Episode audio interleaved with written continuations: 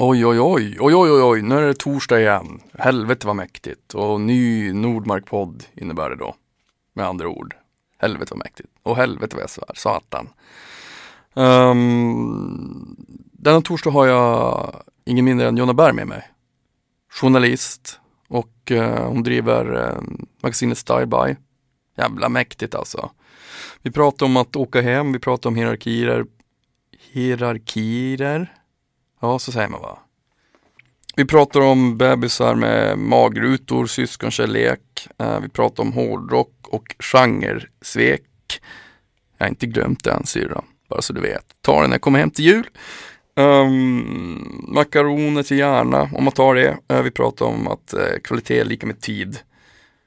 Att förändringar är bra och att fly till Lofoten. Nu kör vi!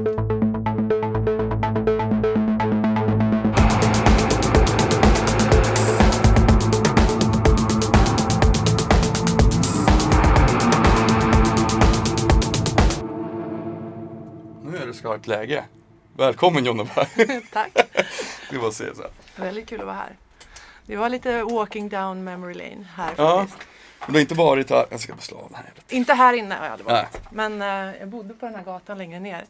Så var min första egna lägenhet. Alltså inte den första som jag bodde i när jag flyttade till Stockholm, men den första jag köpte. Jaha. Mm. Jag bodde förr på, jag bodde på Upplandsgatan här förr. Uh, I några år. Jag, jag trivdes jättebra. Jag tycker det var liksom, bo i Vasastan är lite grann som att så nära en zombie-apokalyps man kan komma känns det Ja, det, Gud, det var den bästa beskrivningen av Vasastan jag någonsin har hört. Det jag har är... faktiskt flyttat härifrån nu. Jag bodde här, jag bodde faktiskt, jag, jag bodde på tre adresser här. Och, men nu flyttade jag i maj till Södermalm. Ja. Det är också en, det är en annan slags zombie-apokalyps. Ja det är det. Jag bor också där på Södermalm, jag bor vid Hornstull nu. Och ja. där, jag har liksom pendlat fram och tillbaka vid Hornstull under hela tiden jag bott i Stockholm. Ja. Förutom när jag bodde i Märsta, de första ett och ett halvt, två åren. Jag har också gjort några sessioner i spenaten. Mm. Bodde i, både Gröndal och Bromma. Mm. Har jag bott. Men mm, det känns bra på Södermalm faktiskt. Första gången jag bor där, jag har ändå bott i Stockholm i, sedan 93. Måste jag tänka. Jo, 93 flyttade jag hit. Vilket är ju sjukt länge sedan. Mm. Och, eh, men har liksom hållit mig här i Vasastan eh, sedan dess typ. Och de här små ut på landet känsla grejerna. Ja, får vi men, se. Men vart kommer du, är du, vart är du från? Typ Örebro eller vad? Nej. Kul att du säger det. Jag är född i Örebro faktiskt. Men ja. jag är verkligen inte uppväxt där. Jag, vet det, jag är uppväxt i Strömstad på västkusten och i, på Hammar utanför Karlstad. Måste, I Värmland. Jag måste erkänna, jag var tvungen att kolla det. För jag, jag, jag, blev lite så här, i morse bara, fan. Jag brukar nästan aldrig, alltså så här, det, jag vet inte om du har hört det här för de här, någon av poddavsnitten. Absolut. Ja okej, okay, ja. det är ju väldigt så här, man, måste man byter, man byter topics hela tiden. Så bara, Fan jag är lite nervös, Jonna är ändå journalist. och jag är inte så här, jag tänkte jag måste ändå ha någon koll och då såg jag bara upp så här, vart är hon ifrån? Och så står det bara födelse, liksom ort, ja, just Örebro. Det. Örebro. Men äh, ja, så därifrån. Men så, vi bodde, mina föräldrar bodde i Kumla under mitt första levnadsår. Obs! Ej på bunkern utan utanför. Mm. Inte på fängelset utan ja. ett helt vanligt liv utanför. I något slags villaområde. Men äh, så, jag har inga minnen därifrån överhuvudtaget. Jag känner mig inte som att jag kommer hem när jag kommer till Örebro direkt. Nej. Men vart, vart bor dina föräldrar nu då? De bor, i, på, ja, de bor fortfarande på Hammarö utanför mm. Karlstad. Mm. Faktiskt.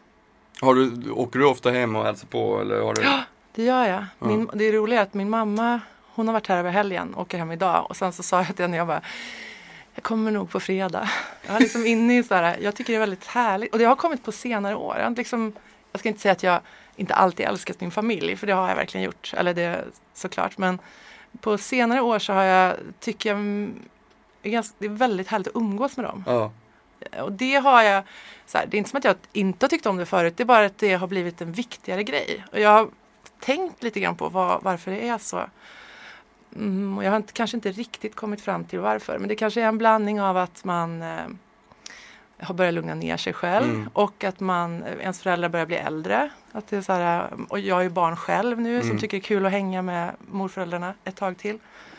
Så, men det är väl någon slags, det är ju härligt att det är så det är väldigt, väldigt skönt tycker jag. Det är fantastiskt. Jag, jag, jag har ju mina föräldrar och min syrra kvar i Piteå. Uh.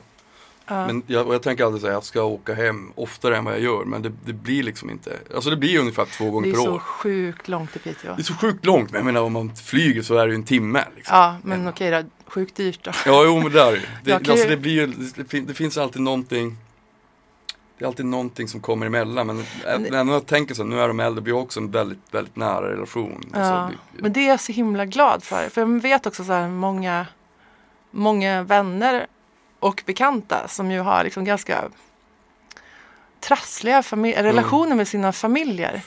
Och det är ju väldigt vanligt så det är ju inte som att det är något konstigt och det är inte någons fel ofta. Eller det är väldigt många saker som har gjort att det blivit så. Men jag är så himla tacksam för att, att jag inte har det. Att ja, jag har en samma väldigt fin relation med mina föräldrar. Ehm, det betyder mer och mer för mig märker jag.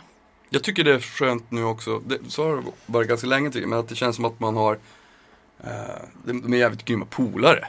Ja.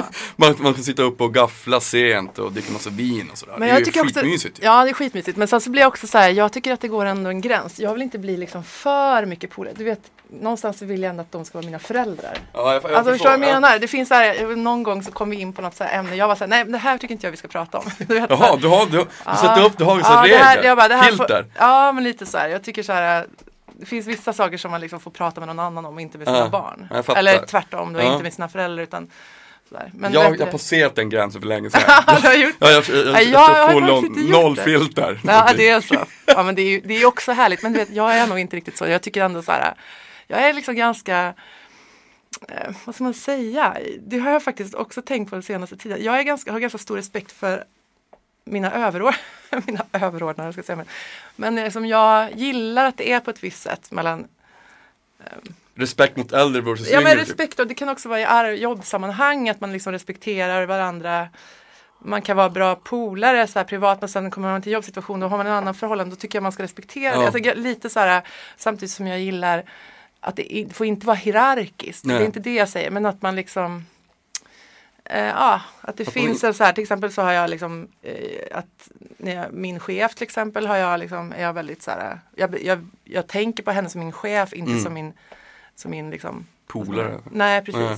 Ja, men det, Det tycker jag är ganska skönt. det tycker jag, alltså det Det gillar ger jag lite också. struktur på saker och ting. Ska man kunna ha ett annat ord istället för hierar hierarki istället? För jag tycker också det, alltså det finns ju vissa saker som man som man måste liksom anamma för att det ska gå lättare att till exempel jobba. Alltså Ja. det, alltså det, annars blir det liksom Vem är det som bestämmer? Det är Ja, men skönt exakt. att veta det. Bara så, här, så, att man inte, så att det blir klart för alla. Och Jag menar, liksom, den vem- dynamiken finns ju överallt, det finns ju även, den finns ju i bandkonstellationer. Ja, ja men precis.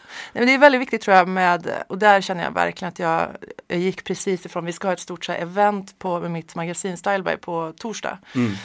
Och där så kände jag nu faktiskt, för vi satt och, det, var, det är massa saker som ska göras inför det. Och sen så kände jag nu att jag inte har gett liksom, tydligare liksom, instruktioner till folk som jobbar med det här eventet vad, jag, vad som förväntas av dem. Mm. Vad har jag ansvar för? Vad har du ansvar för? Vad har du ansvar för? Nu ska vi ha ett möte imorgon där vi ska styra upp allt sånt. Men, men då kände jag, för det är väldigt så här, det är väldigt viktigt att veta vad folk förväntar sig av en. Mm. Att man, eh, eller vad, eh, det är vik- viktigt att veta för mig också vad jag förväntar mig av folk för att kunna kommunicera Mm. vad jag förväntar mig av folk så att de kan vet vad man vill ha. Eller och så vidare och så vidare. Det underlättar så mycket Mm. än om man så här, det tycker jag är ett problem. Generellt tror jag att folk är lite otydliga. Ja. Jag tycker det är jätteviktigt att vara tydlig. Men det, fin- alltså, det, är, det är om, så mycket Det lättare. är om, om jag skulle spela in, lägga trummor med mitt band Kriget till exempel. Så Mm. säger jag bara helt plötsligt så här, ja ah, men fan Gustav kan inte du lira trummorna istället? Det blir inte lika bra. Alltså det finns vissa saker som man, man har ju vissa roller som man vet så här, av en här- anledning. Av en anledning. Liksom. Det, alltså Ja. det, det, det är inte totalt transparent. aldrig. Nej men sen tycker jag i och för sig att det är väldigt skitkul att byta ibland. Mm. Såhär, om jag sitter alltid och gör det här, det är väl om det inte liksom är om det är en nivå som är om han är helt okej bra på trummor Mm. så att ni kan ha det och tycka att, det är, att det, ni kan leva med det. Det väl jättebra att han spelar trummor ibland. Alltså Ja. man får inte vara för fyrkantig heller. Nej, han kan få komma med idéer. Ja, så. Det, bra, bra kompromiss. Nu har vi mötts på halva vägen. Vad är det jag ska göra nu? Ska du göra det jag ska göra? Ska, du, ska jag göra det som du... Ska jag göra... Vad ska jag göra? Du ska göra det du ska göra. Du har en brorsa också. Ja, som, som, jag älskar högt. Ja. Och Han är jätteviktig för mig. Och ni har ju, han är du är 73 va? Ja. Och han är typ 70, 77 Ja okej, ja, han är ett år yngre än mig. Men han, han är alltid, vi har en äldre syra som är 73. Ja, okej. Vi har också alltid varit, alltså när jag var liten så var hon min, hon var min eh, största idol. Ja, Alltså men- det är ju väldigt vanligt. Så tror jag det var för honom också. Ja. Jag tror att, men vi hade, vi har gått igenom så många, alltså mamma har sagt så här efteråt att när, när jag, han var fyra och jag var åtta, då sa hon så här, då sa hon långt efteråt, ibland var jag inte säker på att de skulle överleva det här året för att vi slogs så mycket. Ja, var det så? Andreas, eh, som min brorsa heter då, han är så jäkla stark, alltså världens jävla kralligaste barn. Alltså han var så superstark. Det är han fortfarande, men liksom då var han, du vet han var nästan som en sån här, en sån här unge, du vet som man ser har så här magrutor fast de är liksom bebisar. Så var han typ. Han har någon så här überkropp liksom. Ehm, eller überkropp ska jag inte säga, men han har, eller jo vi kan säga det, så blir han glad. Nej men, nej men han var i alla fall jävligt stark och jag var väl liksom inte så stark. Sen så han, så han liksom kunde ju sätta mig på plats alldeles för tidigt. Alltså när en fyraåring ska ju inte kunna vinna över en åttaåring. Men det var typ så, vilket var ju sjukt frustrerande för mig såklart. Alltså vi slogs sjukt mycket då. Men sen, sen eh, det är ju jättevanligt när man är så här liten.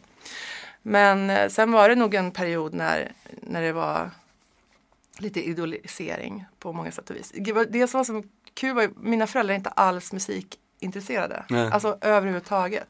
Och de har liksom ganska traditionella jobb. Nu är de båda pensionärer men min mamma jobbar på Arbetsförmedlingen. Och min pappa var bankchef. Mm. Och jag och Andreas har ju blivit, liksom har valt helt andra vägar i våra liv som Mm. inte har med, vi har ju ingen av oss har någon utbildning till exempel. Utan vi har liksom mer gått på intressen när vi har hittat våra jobb. Liksom. Mm. Jag, och det var ju musiken som var liksom det som har lett oss båda in på det vi gör idag. Mm.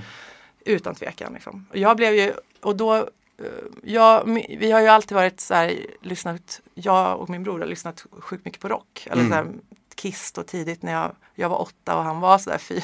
Jag var och blåslagen åttaåring. Nej men, men vet du, så lyssnade jag på, på Kiss. Men han lyssnade också på det och så här. Och sen blev jag väldigt, sen blev jag in- musikintresserad på ett, en helt, tog det hela till en helt ny nivå. När jag liksom, det enda jag brydde mig om var Ja. indie-rock. Ja. Alltså det enda jag brydde mig om var Ja. indie-rock. Eh, och det här var ju runt liksom det här var ju runt eh, 89, 90 när hela Manchestervågen bröt ut. Ja.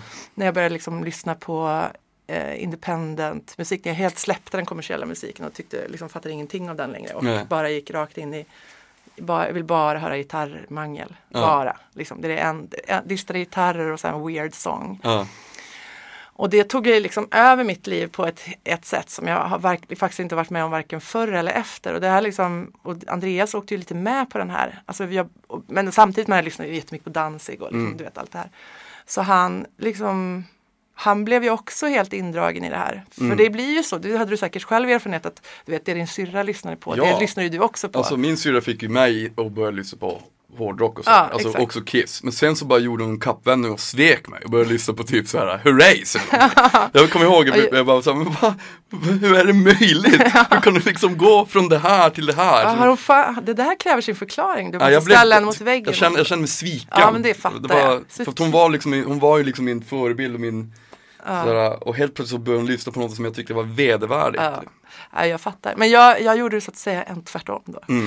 Eh, men eh, och liksom i det där så sen började ju Andreas, sen blev och vi växte och blev större och jag flyttade till Stockholm och så här. Och samtidigt så blev ju Andreas också större och hittade sin musik i liksom den extrema Mm. metalscenen. Där han också då verkade under många år. Först i Swordmaster och sen i Death Stars. Så han var ju liksom en del av hela den här Strömstad-scenen, Mm. black metal-scenen helt Mm. enkelt. Ehm, och det, då, det fick ju han, liksom, fick jag lite så här payback på det. För att helt plötsligt så fick jag liksom höra på massa coola grejer som jag inte i mitt liksom gitarrdistande på mitt håll, som mer hängde, ehm, fick ju jag en helt ny liksom, intresse och inblick i metalscenen. Mm. I den extrema metalscenen som ju, och det är ju tack vare honom och jag liksom känner massa folk där också tack vare honom. Och har en mycket bättre musiksmak tack vare honom. Mm. Och liksom det har så här Ja, så att vi har liksom, jag tror vi har fött varandra på något sätt hela tiden Mm. eh, musikaliskt sådär. Och sen har vi några gemensamma närmare som vi liksom gillar skitmycket. Turbo Negro Kiss och Mm. Creator och så. Mm. Oh, vet- Creator, mäktigt, det var otippat. Ja, Jag, var, jag Så- såg dem faktiskt för några år jag sedan. såg att de skulle komma tillbaka nu. såg Ja, du? jag såg det. Jag såg dem, de spelade med Morbid Angel, för Morbid Angel var ett, ett band som har betytt jättemycket för mig. Ja. Eh, för, när, jag var, när jag var liten och så. Men eh, alltså det var ju så, när jag var liksom 14-15 kom, kunde man komma hem från skolan och så spelade de Morbid Angel på typ vad fan heter det, Voxpop eller sådär. Ja. Man bara, fan vad det här är mäktigt. Det, skulle, det känns som att det skulle aldrig hända idag, Nej, du vet, på, på, på det sättet. Nu finns ju internet som har tagit över den här tv-rollen men, men det liksom, det, det var bredare och vildare förr på något sätt, får jag en Mm. känsla av.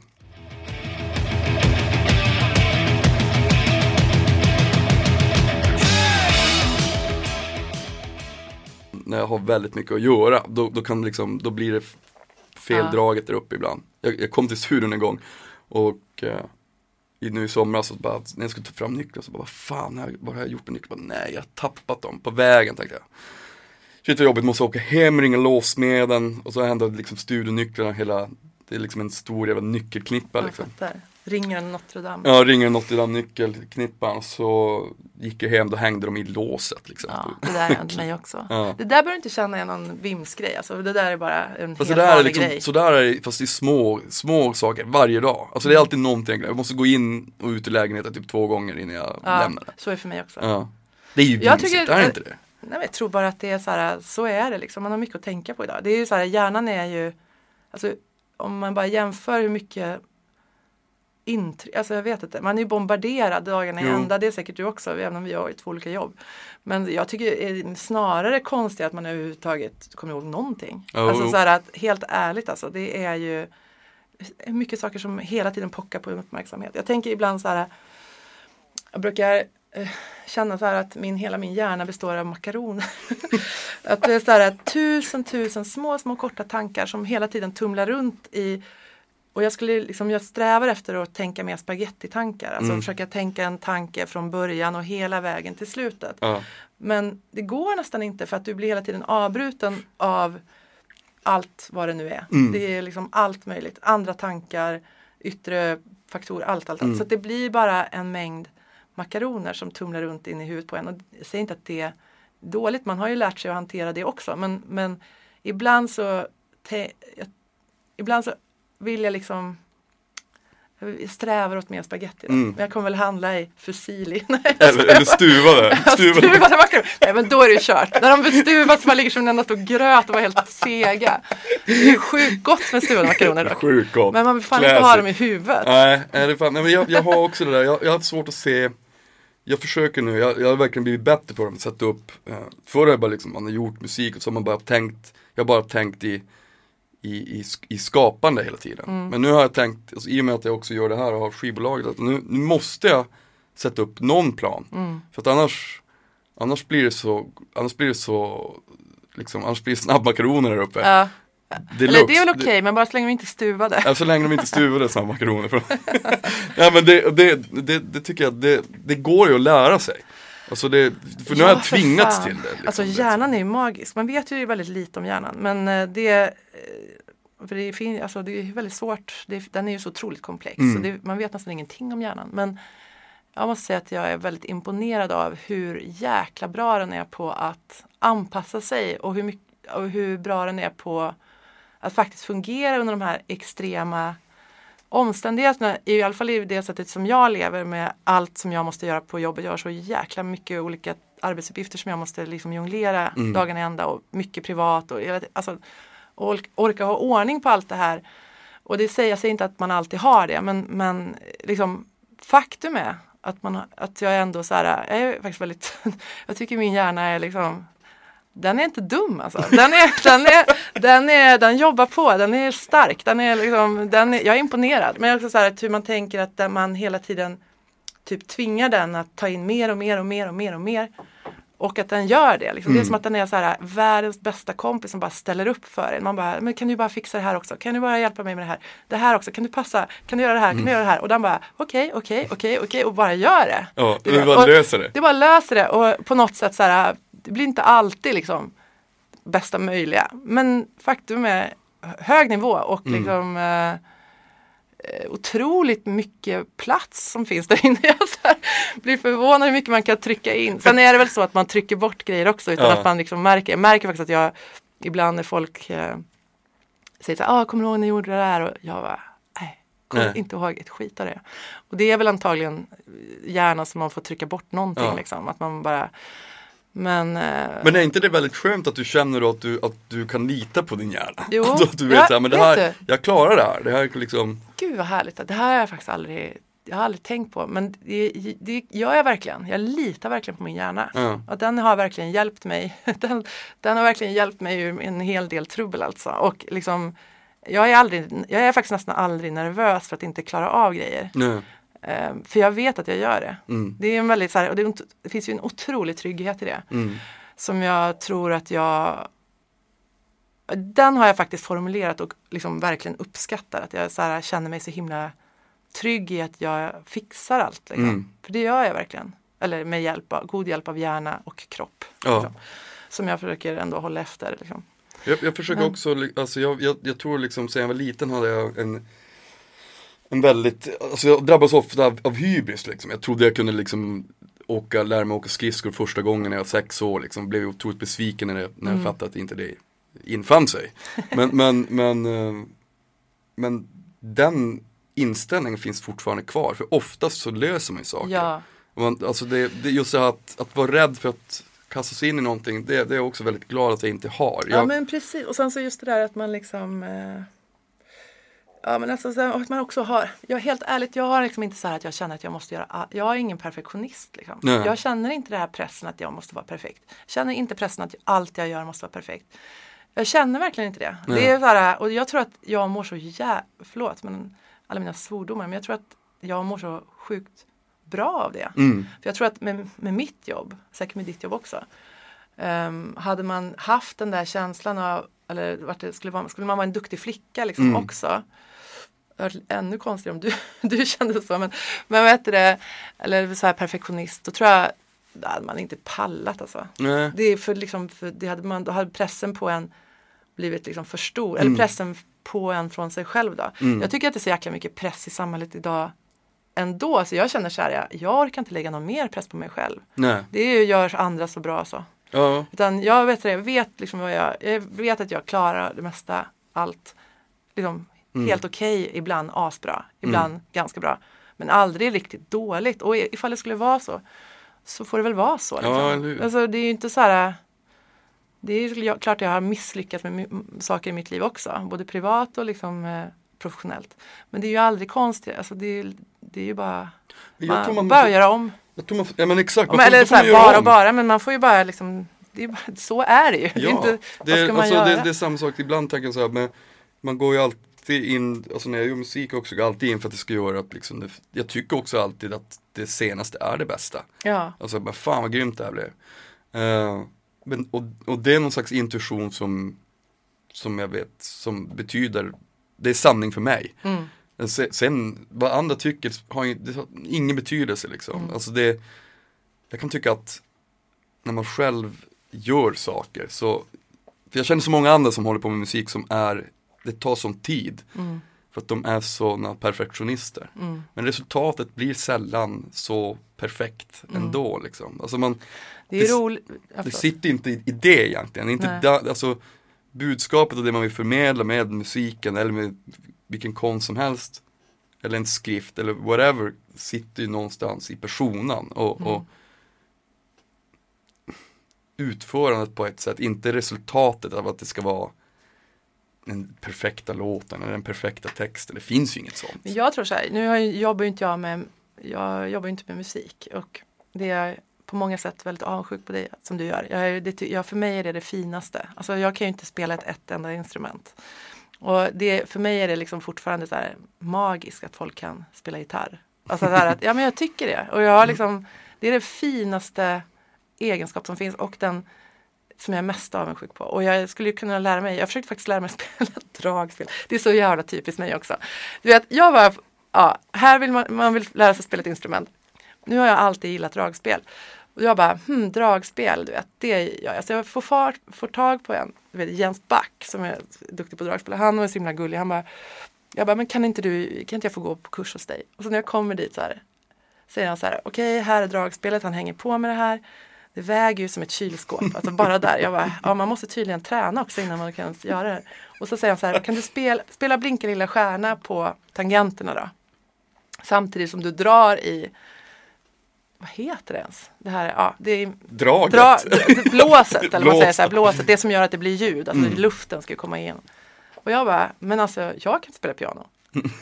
Och då tittade han på mig och bara, du kan inte spela piano och du ska liksom börja spela dragspel som är som typ en hel orkester i ett instrument. Och jag bara, nej. Så då fick jag sitta och öva på att spela Blinka lilla stjärna. Alltså det gick ju inte och minst, jag kunde inte fortsätta med det. Det tog ju, alltså jag hade ju tagit mig liksom tills jag var 99 innan jag jag skulle kunna traggla mig igenom så, så, sången om Elin. Liksom. Men det, jag tror att det här är någonting Men- också som är väldigt vanligt att folk tror att man inte, det, alltså jag är helt övertygad om att eh, alla kan, jag har ganska lätt för att lära mig spela. Andra förr, jag lärde mig spela gitarr när jag var 30 liksom. Mm, Jag, jag kunde bara spela trummor innan. Eller bara, men jag hade liksom sen jag var liten vikt mitt liv till att spela trummor. Så. Det jätte- också härligt att bli bra på en grej. Absolut, men jag kände också att jag vill kunna spela, jag vill kunna spela lite piano, lite gitarr Ja. och, och skriva egen musik. Så. Inte bara skriva trummor. Alltså, Men, men eh, det sitter så mycket i, i huvudet vad man klarar och inte klarar också. Alltså det det man måste, Ja, det man måste förstå att man måste ägna tid. Men jag har ju, och precis, och det är ju det man inte har då. Och, det, och framförallt så sen är det väl liksom, var det väl liksom klantigt för mig att liksom tänka att jag ska spela dragspel också. Så här, det är ju ett jättesvårt instrument Mm. att lära sig. Alltså är, nu har jag faktiskt, när jag fyllde år i november så fick jag en gitarr av min brorsa. Mm. Så, så nu ska jag lära mig faktiskt. Men, men det jag skulle komma till är att jag jobbar ju i den kommersiella världen, det är ju du också på ett sätt. Men jag menar, jag gör ju inte konst, jag gör ju inte musik, utan jag gör ju magasin nu. Så jag måste ju också så här, eh, jag har ju inte, jag gör ett kvalitativt modemagasin som jag är sjukt stolt över, som Mm. är jättebra. Så att jag känner ju verkligen att jag gör en, jag är så himla stolt över Mm. Styleby liksom. Det är som att det är min egen. Jag, vi har ju hittat på den själva men jag äger den ju inte. Men det känns som jag äger den. Mm. Liksom. Det känns, så viktig är den för mig. Mm. Eh, så, eh, men jag är, tror jag är väldigt bra på, eller när man jobbar i en media med en mediaprodukt idag, det är och speciellt, ja, så har det, resurserna har ju verkligen, de är väldigt små. Mm. Du behöver ju trolla med knäna i princip Mm. för att få ihop det här liksom med har väldigt lite personal, inte jättemycket pengar Mm. och ska göra liksom superkvalitet. Mm. Hur gör man ens det? Liksom? Mm. Går det ens? Men det gör det ju. Men, eh, men ibland så och just tiden då som vi var tillbaka till att det tar tid att lära sig saker. Och kvalitet har jag märkt har egentligen mer med tid än med pengar att göra. Mm. Du kan göra jättebra kvalitet men det tar ofta ganska det tar tid. Ja men allt ska genom fingrarna och Allt huvudet. som man, och det, liksom. man måste liksom det är så här, man, man är jävligt noga med det man gör. Liksom. Men det, det som jag också känner då ibland ja, och det tror jag en grej som jag lärt mig och som har varit jävligt bra. Det är ju att jag ibland bara inser så här. Vi kommer, det här kommer inte bli så mycket bättre av att vi lägger fem timmar till på det här. Nu, nu får vi bara stanna här. Mm. Och slägga, för att vi måste gå vidare. Vi Mm. har en tidning som ska göras, den ska lämnas då och då. Och vi kommer inte hinna om vi sitter och ältar den här artikeln liksom, eller vad det nu är. I, det, får, det får vara, det får duga så här. Ja. Och det tror jag också är så här apropå vad, liksom, att inte vara perfektionist. Att det, idag är det nog ganska viktigt att liksom kunna att man snarare är bra på att ta lite sådana beslut. Mm. Okej, it, it's, it, det är inte perfekt men det är good enough. Liksom. Mm. För nu måste vi gå vidare om Mm. vi ska hinna med det här och kanske göra något annat, hinna göra något annat perfekt istället. Mm. Ehm, och det tror jag är någonting som är så här, eh, det tycker jag är, det har jag lärt mig, det är jag sjukt glad för. Att man, att jag kan, vara- jag kan leva med det liksom. Mm. Men att också att den, det där good enough är Mm. verkligen inte, alltså det är good enough. Det är Mm. inte så här, det är inte dåligt för då går det inte. Utan, och det är inte så här, det är inte under en viss nivå. Nej. Men det, det behöver inte alltid liksom ligga och skvalpa mot det bästa man har gjort. Men jag tror det är viktigt där att man har någon slags, man har, man har en, att du kan gallra saker liksom. Som du vet att, Exakt, att sortera. Det här är Sortera, viktigt, det här är mindre precis. viktigt. Det här är bättre att vi lägger krut på det här och göra mindre på Mm. det här. Det är ju skitviktigt. Och det tror jag så här med alla borde, det kanske folk är ganska bra på, men jag tror att det är skitbra liksom tänka lite så. Mm. Vad är, vad är liksom viktigt? Rangordna grejer i viktighet. Liksom. Mm. Och så, så att man därigenom kan bestämma vad fan man ska göra med det. Liksom. det, det är som när- jag sitter och, och gör musik också, man har ju, eh, jag, jag är väldigt glad att jag har, man har den där intuitionen att nu, nu är det faktiskt, den här är klar. En del kan ju sitta liksom och, om det är någon som fattas, vad är det som fattas i den här låten? Det kan jag också känna i, ibland, såklart. Mm. Men jag känner liksom alltid, ja men det här, nu är det klart. Det, det är liksom tydligt, det, är aldrig, det finns aldrig en tvekan i det. Gud vad spännande. Så- och det är bara en känsla liksom. Eller Nej, du bara, bara vet. kän- nej, så här, vet att, nej, men det nu är här, klart. jag känner bara att det här tycker jag är så jävla fett, det är klart. Och, och, och, och det, det, det bygger på en, om, jag känner så, då vet jag att det är sant. Mm. Så om jag inte känner så, då, vet jag, då vet jag att det fortfarande inte håller. Mm. Men det kan ju också vara så att, shit nu är det här, nu är den här låten klar, fan vad grymt. Men om jag sen skulle älta den i, alltså totalknarka den i, i om och om och om, om igen, då kanske jag skulle tvivla på det. Det går alltid på den första det känslan. Där, det där är väldigt, det är väl magkänsla liksom. Mm. Och en intuition. Och någon känsla av vad man vill ha. Att Mm. man är ganska ty- att man vet vad det är man är ute efter. Och det tror jag, ja, vilken blessing för dig att du har den där, att du har det. Tänk många som inte har det och som sitter och är nervösa och alltså är lite Mm. ängsliga. Det betyder väl att du är ganska säker på vad du håller på med. Ja, det tror tänker jag, är tror väldigt bra. Att det är många som inte riktigt vet och då blir det ju lätt att man, man blir aldrig klar med någonting. Man pillar och pillar och till slut så har man liksom nästan pillat sönder är ju en risk ju. Det, det, Det är en väldigt stor, det är en väldigt stor risk och det, det, det, är mycket bra musik som förstörs av ängslighet. Ja. För att man, man till slut när man är klar med det så är det ingenting kvar och, då, och helt plötsligt så då finns det en risk Och så, att lyssnar man, man känner på, ingenting. och så lyssnar man på demoversionen man bara, jaha men det var ju det här som var Ja, liksom nej, låten, det var ju det här vi skulle göra och så nu är det bara någon sån här struttig elektron, Precis. elektronisk skit. Man ska, man ska liksom aldrig göra för, för seriösa demos med Nej. andra ord.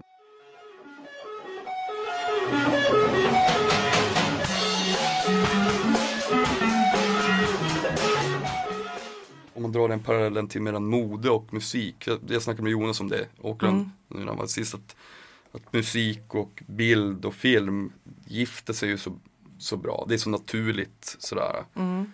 Och, och, och någonstans så, så känns det så att, att så är det ju också med mode på något Mm. sätt. Att, Ja, det är precis, det är som att de här världarna och det tänker jag liksom ofta på att de, alla de här glamourvärldarna, film, musik och mode på något Mm. sätt är ju, hör ihop. mm, På något, de är ju alla, ehm, de, de mår ju bra av att få mixas ihop. mm, de behövs för att mixas ihop. Jag vet inte, modevärlden äter ju av musikvärlden Mm. hela tiden. Alltså jag vet inte, du vet, det är sån, det är sån otrolig eh, fart på mode, modebranschen idag. Det är så Mm. mycket kollektioner som ska göras under kort tid.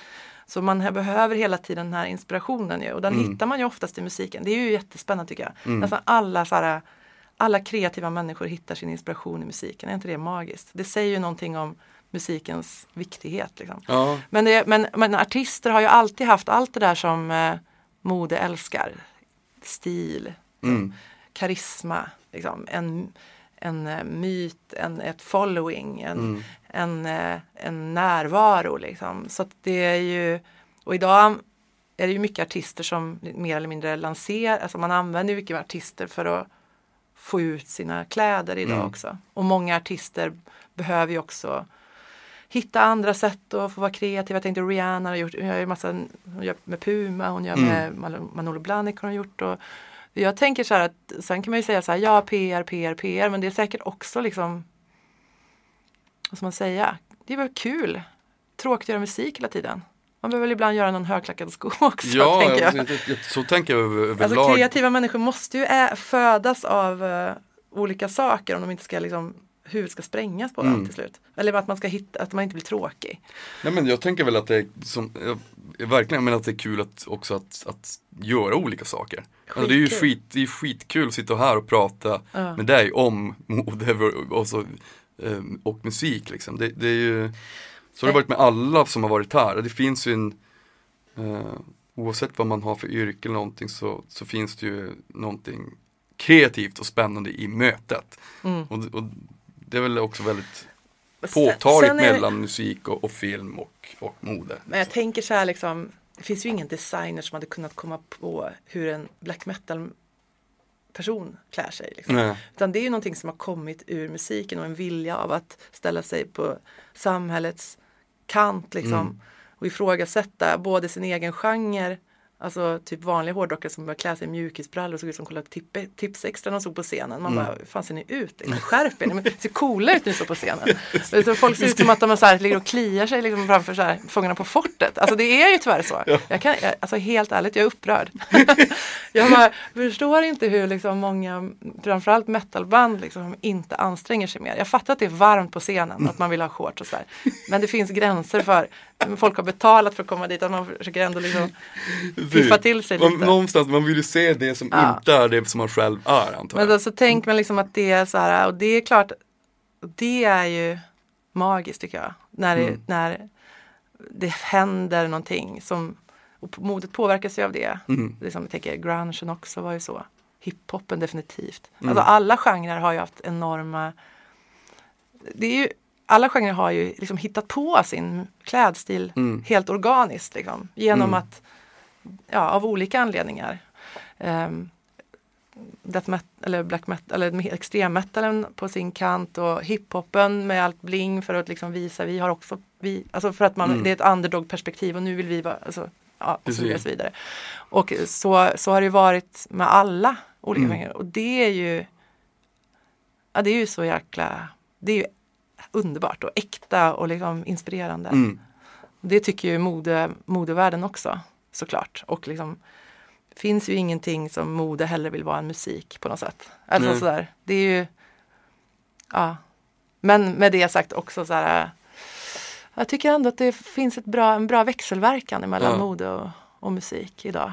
På något sätt. Men det, det tycker jag överlag nu känns spännande för att nu, nu vi, jag har känt så ganska länge just med musik och, och andra uttryck att det finns en, eh, en strävan efter att vilja vara efter att blicka in i framtiden på något sätt. Det Mm. känns inte så bakåtsträvande längre som det var, som det kändes förr. Det känns som att allting är på väg in i något som vi inte kanske riktigt vet vad det är. Gud vilken spännande tanke. Ja, jag, jag, Ja. jag, jag, hoppas att jag, får en känslan att det är så. Men, men jag, jag, jag vet inte när, men jag tror det. Det känns så. Det är, för det kan man ju faktiskt ärligt säga. Musik, om man ska vara det är både musik och mode, det är väl, liksom, det är väl inget konstigt men man tittar ju gärna tillbaka. Liksom. Mm. Modet håller ju hela tiden nu är det 90-tal som Mm. är det heta. Liksom. Nu, sen är det väl något annat, det var 70-tal för några år sedan. Och så, här. Men och så det- det är väl inget konstigt egentligen men, men musik har det ju alltid varit så här att det som hände 68 var coolast, punkt. Mm. Det är så här, går aldrig att komma toppa det. Liksom. Nej. Alltså, på något sätt att så här, det finns alltid någon slags New York-scen som allting någonstans går tillbaka till och det Mm. går inte att överträffa det. Nej. Som att det Iggy gjorde eller det Mm. Stones gjorde eller det Velvet Underground gjorde. Eller det är så liksom ikoniskt på ett sätt som är så här o-untouchable idag. Mm. Och allting jämförs mot det. I alla fall inom rock då, Mm. eller vad man säger. Men det är ju, tycker jag, det är ju också tråkigt att det är så. Mm.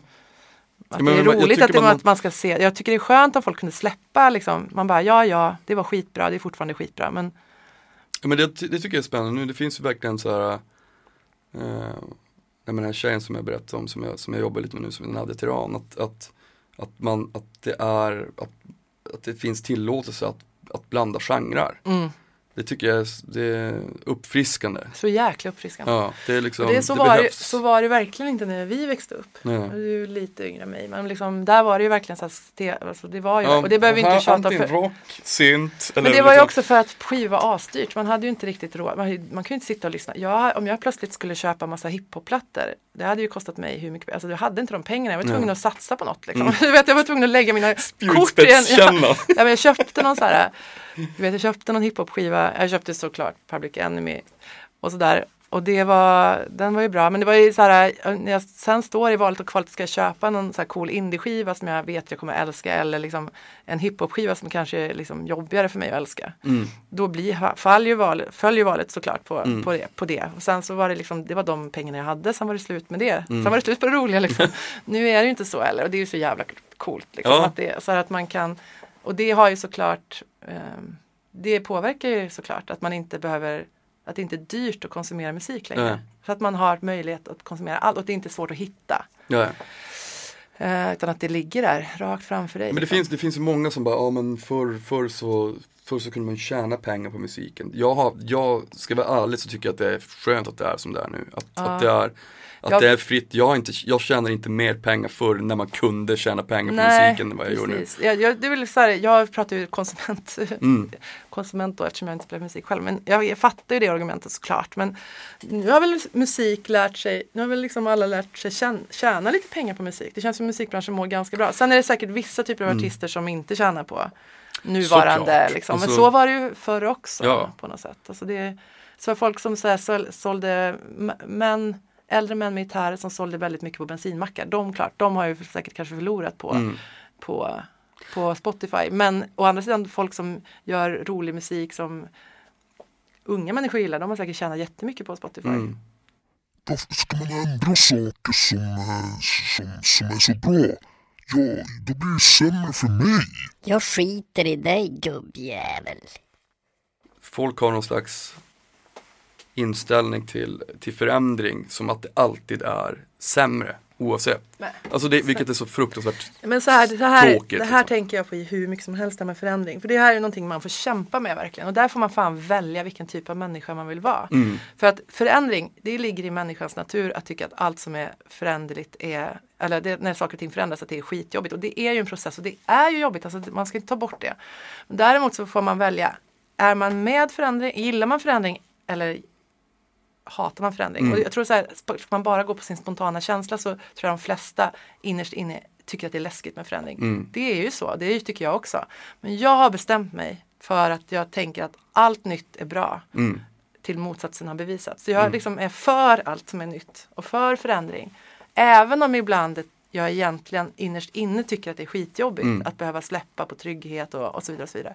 Men jag tänker samtidigt att det, det går inte att vara en människa som sitter och håller fast sig. Då, det är, rent professionellt så blir man omsprungen Mm. och rent mänskligt så blir man tråkig. Det där var typ det finaste jag hört. Det där skriver jag under på på 100 Man procent. tackar, man tackar. Men jag vet det, nej men jag tror verkligen det. Så att det tror jag man får, och det, det, där får man liksom hela tiden, eller man, jag ska sluta säga man, jag ska säga jag, för det, jag pratar om mig själv.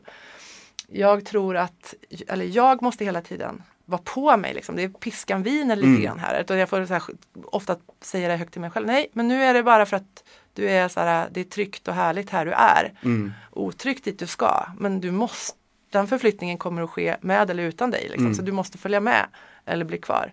Och det, är så här, och det kan vara allt möjligt. Det kan handla om eh, min flytt. Mm. Eh, Det kan handla om min, eh, mitt jobb. Mm. Det kan handla om eh, vad som helst. Liksom. Det kan handla om eh, relationer. Mm. Alltså, allt möjligt. Alltså, det är någonting som är, allting som är föränderligt är lite jobbigt. Men man kommer ju fan ingenstans om man, inte, om man sitter där man sitter. Nej. Och man kan, vissa förändringar kanske också inte blir som man har tänkt sig. Men då har man Nej. åtminstone gainat i någonting. Man, man har gainat i, i erfarenhet liksom. Eller, och nästa gång en förändring kommer så kommer du kanske Jag tror också man tränar sig på det på där. det, liksom. ja, jag tror liksom så här att, att man måste vara, jag tror också så här, har man gjort, om man genomgått några förändringar i sitt liv, stora förändringar eller små förändringar, så, så vet man ju också att det blir alltid, det löser sig ju på något Mm. sätt och så blir det blir på ett annat sätt. Men Mm. det blir oftast inte sämre, Nej. utan det blir ju oftast bättre och ibland lika bra, men bara att det blir på ett annat sätt. mm, Och det ska man vara liksom lite, göra, lite glad för. Jag vet inte riktigt. Okej att man är en vanemänniska. Det, jag är också det delvis. Liksom, men jag tänker också att eh, för jag tänker att det är så många som liksom blir man blir äldre, jag är 43. Eh, man börjar bli medelålders och, och, liksom, och äldre. Att Mm. man blir eh, man stagnerar lite grann i i liksom att hålla sig lite uppdaterad och Mm. intresserad av saker. Man har hittat, man, jag fattar det för man har hittat grejerna som funkar för en. Mm. Man har hittat sitt, alltså sin musik, liksom. man, man har hittat Man det här. bekväm. Man, har hittat, man blir bekväm, man, man har inte lika mycket tid som man hade innan. Man har inte lika mycket energi, man, har liksom, man, vet, man vet massa saker om sig själv mm, och andra som gör att man man har skitmycket kompisar, man orkar nästan inte få fler kompisar för nu har man skaffat kompisar i 40 år. Mm. Liksom, så här, hur många ska man orka ha och lära känna på nytt? Man sitter kvar i sitt gamla förhållande för man orkar inte göra slut. Alltså, det är så många så här slöa grejer going on när man är, när man är i medelåldern. Som är liksom så jävla, man måste liksom, man måste faktiskt kämpa emot dem Ja, för att ja, hålla sig liksom Hålla sig lite pigg Ja. och intresserad. Jag tror på riktigt att det gör, alltså jag tror man blir gladare och en mer intressant person både, faktiskt både för sig själv, alltså, mer intressant för sig själv att vara med. För jag måste ju vara med mig hela tiden. Jag vet, det är som att gå upp på morgonen och bara hello me, it's me again. Ja men exakt, det är så här, så är det ju. Så tänker man, ibland så spyr man ju på sig själv och sina jävla skivsamlingar eller sin, sin jävla garderob eller sina tråkiga böcker eller sina Man bara, alltså man hatar sina egna rutiner, mm. man är så jävla trött på dem. Då är så, det är oftast bara liksom tillfälligt för att man är lite hängig eller någonting. Men, men, vet du, men då gäller det ju att man liksom hela tiden ser till att man håller sig lite så här, du vet att man gör, eh, vad heter det när man på mobilen uppdaterar, nej vad heter det? När man gör en, eller på, En uppdatering. Ja, en uppdatering. Att man uppdaterar sig själv till nästa version Mm. liksom hela tiden. På något sätt. Det ju- Det låter ju så sjukt, det låter som en sån här självhjälps stressig person som alltid måste, men jag, jag, i, i, det här behöver inte vara så himla allvarligt. Nej, men det är jag- bara att man så här, att man inte, att man hela tiden bara försöker att inte stagnera, alltså Mm. inte så här nöja sig då. Nej, Utan man försöker ändra på de sakerna som man inte upplever är så kul. precis. Men det där tycker jag känner, jag känner ofta just den här, den här att man inte känner sig nöjd. Jag, jag alltid jag, jag, jag tänkte det ett tag, men nu ska jag flytta från Stockholm, jag är så jävla trött på Stockholm och jag ska bo utomlands. Det känner man ju till och från. Ja, det är ju det är en hatkärlek liksom sådär. Men sen så har jag, jag har, jag har ju turnerat i hela mitt vuxenliv. Så då, då dämpas den där grejen. När jag kommer hem så kan jag helt plötsligt tycka, men det här är ju härligt ändå. Här Mm. har ju mina vänner och Men känner du att du ibland bara, nej men nu, nu, fan vad, nu vill jag flytta härifrån. Nej, jag gör faktiskt inte det. Jag har, där har jag liksom tagit ett beslut att jag tycker Stockholm är en sjukt bra stad att bo i. Sen har jag ett barn Mm. eh, och jag lever inte ihop med hans pappa. Ja. Vilket gör ju, och han är 11 år, så det Mm. gör ju så här att jag kommer liksom inte kunna flytta Nej. härifrån vare sig jag nu skulle vilja det eller inte Mm. på ett tag till. Liksom. Sen så vet man ju aldrig vad som händer men jag har faktiskt aldrig känt något behov att flytta från Stockholm. Jag har bott i London ehm, när jag var yngre och det var kul men det är inte som att jag skulle vilja bo där igen. Jag, jag tycker Stockholm är, det funkar sjukt bra för mig på något sätt och det är, världen är så nära idag. Mm. Så att, eh, och jag tycker att ja, jag trivs bra här och, och jag gillar att vara här. Liksom. Och jag, ja, jag, känner mig, jag känner mig trygg och eh, eh, ja, jag tycker, känner att jag har mitt liv här. Men jag Mm. tror ju heller inte då till exempel, för det, den frågan får man ju ibland. Kommer du flytta tillbaka hem? Mm. Så till Karlstad då, tänker jag mig att man menar. Och det kommer jag inte göra. Nej, det, det är är självklart, liksom. det säger jag utan liksom ens att överhuvudtaget tänka tanken. Det Det kommer kommer, inte hända aldrig hända.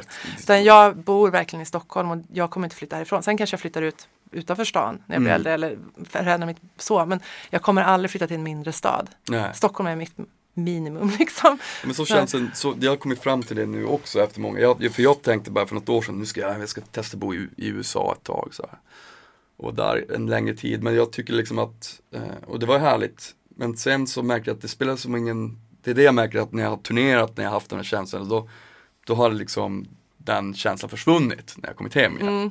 Då har man kän- fått sitt. Liksom. Jag har fått mitt sådär. Men nu känner jag bara så att det här, jag, jag, jag gillar ju Stockholm också jättemycket. Jag har ju alla mina vänner här och har den här studion och, man, och nu känner jag bara så här, nu, nu, nu trivs jag jättebra. men jag tror också att man blir ju lite det kanske inte är Stockholm som är liksom problemet man känner sig utan det är väl ens rutiner som man, alltså en Stockholm själv, är ju, liksom. precis, och Stockholm är ju fortfarande en, även om det är en liten storstad så är det ju fortfarande en stad där det, som har extremt, har väldigt mycket mer än vad man faktiskt använder sig av om man ska Mm, säga ja. så här. Jag går väldigt lite på operan fast jag skulle vilja gå mer. Jag går väldigt lite på teater. Jag ser inte alla utställningar som jag tänker att jag ska se. Jag går inte och lyssnar på författarkvällar. Jag springer inte på roliga ställen så mycket som jag borde. Eller Men du borde. kan så jag om du vill. Men jag kan om jag vill. Men jag menar så här, när man känner sig att man har ruttnat på, på sin egen på, sitt, e- på sig själv, det är ju det det handlar om. Mm. Då kan man ju också testa på att göra något annat. Då. Det finns ju jättemycket. Ja, herregud. Och man, så här, jag bara tänker att man, ibland blir man väldigt så här, låst vid Det är därför det är så bra så här, om man är liksom, om man är hängig och deprimerad eller man har gjort slut med någon eller Mm. allt det där, man är liksom ledsen. Det är så jäkla bra att dra härifrån. Mm. För att man så man inte är fast i sina egna sin var- egen lägenhet. Förstår vad jag gjorde. menar? Att man bara Ja. kommer till någon strand eller någon annan andra barer eller vad som Mm. helst. Liksom. Man, Man måste bara- bara få en ny, Man måste en, bara komma bort precis. för att kunna komma hem. ja. På något sätt. Och det tror jag, det, det använder jag mig av ganska ofta. Mm. Eh, att jag liksom, eh, när man behöver, man känner sig att man är liksom, åh nu är det tråkigt. Mm. Försöka komma bort. Det behöver inte vara så långt men liksom bara, så man bara, just det. Mitt favoritresmål är Lofoten. Bara, och Mm. just det, det här finns också. Mm. Liksom, fantastiskt. Och så kommer man hem och så bara, har man fått liksom, bara, just det, det här, man behöver den påminnelsen Mm. ibland. Det, ja, men det är ju fantastiskt. Men jag skulle inte vilja bo på Lofoten. Liksom. men jag tycker det är jättebra att komma dit. Ja. Du, jag tror jag är klar. Nu har vi pratat jättelänge. Nu ska du få en kram. Ah, vad härligt. Tack för att du kom. Tack så jättemycket. Tack Jonneberg, Tack. mäktigt. Ja jävlar vad mäktigt. Ehm, följ mig gärna på Instagram, Nordmark och Twitter. Och ehm, om ni vill med någonting så mejla gärna in på info.nordmarkrecords.com Eh, Och nu ska vi avsluta med eh, en låt från mitt gamla band Breach. Eh, Alarma från skivan Kollaps. Den här går till dig Jonna. Vi hörs.